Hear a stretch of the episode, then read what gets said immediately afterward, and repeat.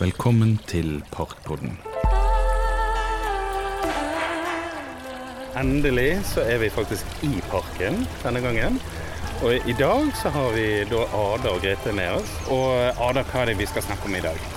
I dag skal vi snakke om Torborg Nedreås Ja. og Herdis og Nygårdsparken.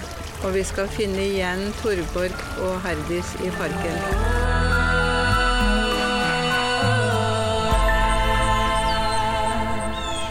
Vi på Historietorget på Møhlenpris, vi ønsket å ha en samtale om Toreborg Nedreås og litt om hennes eh, liv og virke.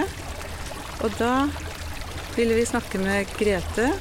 Jeg heter Grete Fatima Sayed og har eh, skrevet den boken 'En sommer med Nedreås' som kom ut i fjor. Dessuten så er jeg eh, styreleder i Torborg Nedreås-selskapet. Da jeg leste boka di, Grete, 'En sommer med Nedreås', så ble jeg for det første fascinert av måten du bygget inn Herdis i veldig mange forskjellige episoder eller fortellinger eller kapitler eller hva du vil kalle det.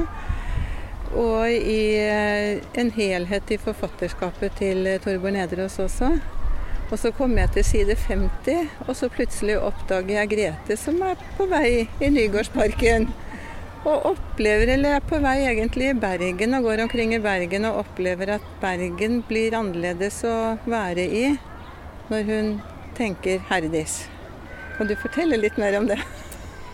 Ja, jeg kan prøve i hvert fall. Ehm, Det er jo litt sånn det her med virkelighet og forholdet mellom fiksjon og historie, det, det har jo mange snakket mye om de siste årene, ikke minst de som beskriver alt de gjør i det virkelige livet. Men for meg så har det alltid vært ganske stor avstand egentlig mellom de to tingene.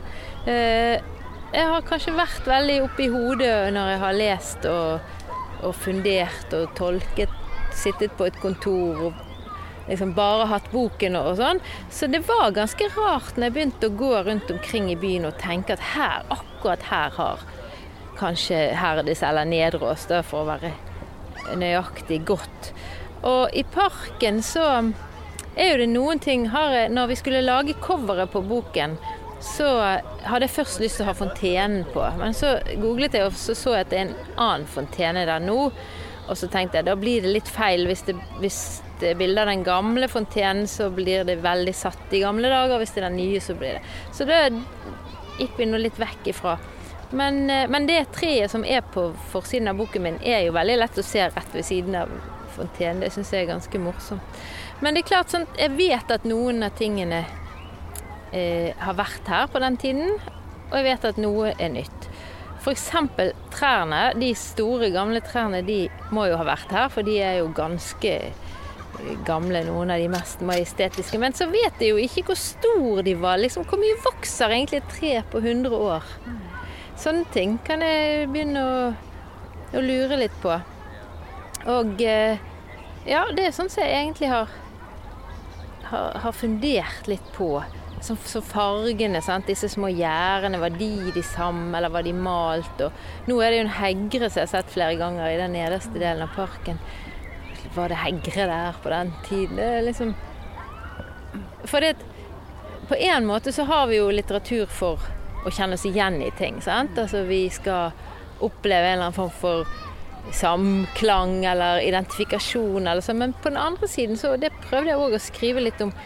På den andre siden så kan hende at det er vel så viktig at vi faktisk blir fremmed for det som vi ellers ikke legger merke til. Sant? Det som bare er helt Vi går nå rundt i vår daglige tralt, og plutselig så ser vi Oi, se på det gjerdet der, den har jo jammen en fin knott oppå der, og, og sånn. Og det Det er jo det motsatte av å, av å gjøre ting kjent og Men det å gjøre det Ta det tilbake til en sånn litt mer sånn fascinerende tilstand.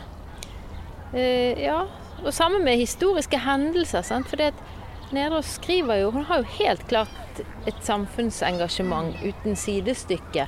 Og hun vil beskrive jobbetiden, og hun vil beskrive profittmentalitet og hvordan noen eh, gjør det kjempegodt på kort tid, så tjener de mer på en uke enn andre har gjort på et år, liksom. Og så plutselig så er det det stikk motsatte.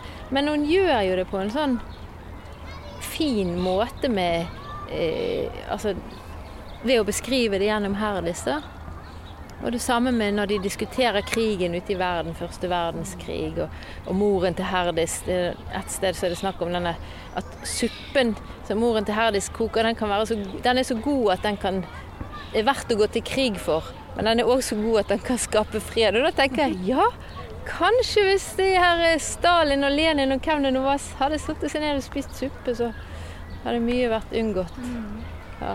Men eh, jeg tenker ofte på Nygårdsparken som et sted som er full av motsetninger.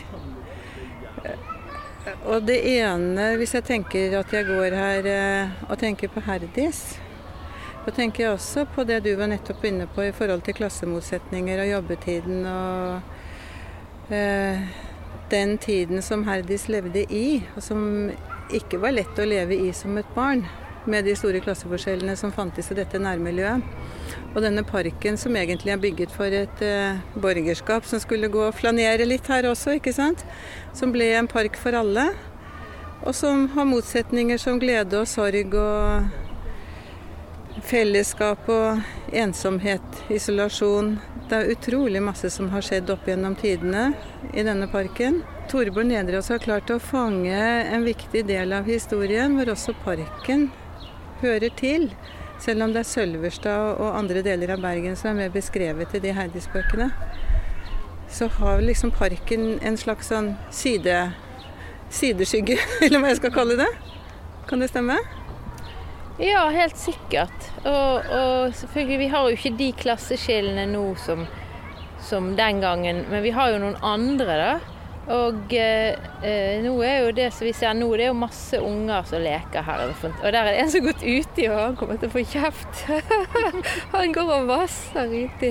Ute i fontenen? Ja, midt ute i han. Men jeg tenker at mange i dette området nå er jo ganske mørkhudet, og en del har andre klær på seg enn en, eh, enn vi oss melkehvite nordmenn, eller hva jeg skal si. Og det var jo nede hos oss og innom, selvfølgelig. Det har blitt mye mye mer tydelig. Men når du leser det om igjen, så er det så tydelig at hun skriver om den jødiske bakgrunnen og det å være fremmed i, i Bergen. da, Med at det er mistanker mot eh, bestefaren, og han mister eh, elever. Han gir jo sånn språkundervisning. Han mister elever og, og Ja, det, det har det ganske tøft. Sånn at eh, motsetninger vil vel alltid finnes, og det er jo en som har blitt mer, mer eh, tydelig. Som vi kan ikke så lett i dag se på hva klær du har på deg, hva, om du tilhører overklassen eller, eller, underklassen. Men det er andre ting som ikke er så lett å skjule. Og det er parken er jo sånn åsted. Jeg tror veldig mange jeg tror mange bru... Altså, jeg tror jeg skal begynne å gå her litt oftere. For det er jo, det er jo fantastisk fint. Og jeg ser jo at eh, ja, der er studenter, og her er noen sitter og drikker i en krok, og noen jogger, og noen sykler på bysyklene sine, eller hva de gjør. Så det er fint å ha et sånt sted. Med et fristed, da. Og så hadde jo du for noen år siden at det var, et, at det var eh, dopscenen i byen. Det er jo òg veldig motsetning og en veldig politisk sak. Du kan lure på hva Torbjørn Nedreås ville ha skrevet om det. ja, det kan du. Hvis Herdi skulle gå rundt i parken. Hun hadde jo i hvert fall et varmt hjerte da, for de som falt utenfor av, av ulike grunner. Alle fuglemennene. mm. og fulle damene. Fulle damene, ja. ja. Mm. Og de var jo parken før dopmiljøet. Nei, jeg tenker at Torbjørn Nedreås eh, pakker ikke tingene inn, hun. Hun beskriver de, og det kan være ganske nådeløst av og til. Men det jeg syns er litt spennende, at det både er voksenblikk og barneblikk i bøkene. Altså det å ha barnet hva det heter, små, små gryter har store ører. Og Herdi sine er jo helt gigantiske. Hun får jo med seg det som skjer bak lukkede dører og, og, og alt. Og den måten, altså den lune humoren som hun legger det frem med, er jo veldig, veldig fin. For da kan hun både avsløre og være ganske sånn nådeløs, sier du. Altså ganske kontant. F.eks. en av de scenene der eh, Herdis og moren står og ser på denne dukkevognen som Herdis ønsker seg til jul i et butikkvindu. Og så Herdis står og sikler etter denne dukkevognen, og moren står og speiler seg sjøl, for hun skal møte elskeren sin og syns jo egentlig at hun tar seg ganske godt ut og ordner hår og hatten og slør og hva det nå er. Og så Altså det, det er en fantastisk fin scene. Så eh, når den på en måte har utspilt seg, da, så ser du tre butikker nedenfor. Der står de andre ungene, og de står og sikler like mye foran pølsebutikken eller slakteren, for de er så sultne at de ønsker seg bare en pølse. De tenker verken på dukkevogn eller, eller andre ting. Det er en billedlig og effektiv og flott måte å, å si det på. Vet du hva jeg står og tenker på når jeg står og ser på disse barna? Tenk om de hadde hatt et trylleglass i hånden eller et prisme i hånden. Kanskje kommunen skulle hengt opp litt forskjellige prismeglass rundt omkring når den nederste delen blir renovert her. Det hadde jo vært kjempefint. Vi har jo i Nedreås-selskapet jobbet med å få denne statuen av, av Torbjørn Nedreås. Eller det vil si, statue er jo et litt gammeldags ord. Nå heter det kunstnerisk utsmykning eller visuelt minnesmerke. Og da har vi lekt litt med de tankene. Hadde det gått an å ha noe som man kunne f.eks. se gjennom, eller noe sånt. Enten prismelignende eller noe med lyd. Sånn, Musikk fra en blå brønn og all den musikken hun, hun sjøl spiller. Altså både Herdis sin mor er jo pianist inne på, på kinoen, og Herdis er jo veldig musikalsk òg. Så det hadde jo vært fint om det var noe som barn og voksne for den del kunne, kunne gjøre noe med eller oppleve noe. Da kunne det jo faktisk ha vært eh, noe som spilte av noe av den musikken som Herdi spilte. Kunne vært vet ikke, Sinding, Mendelssohn. Og så kunne prismeglassene stått og rislet og raslet og lagd lyder og bilder og farger og alt. Det var kjempefint. Det hadde vært helt fantastisk. Ja. Vi får satse på det. Ja, vi gjør det.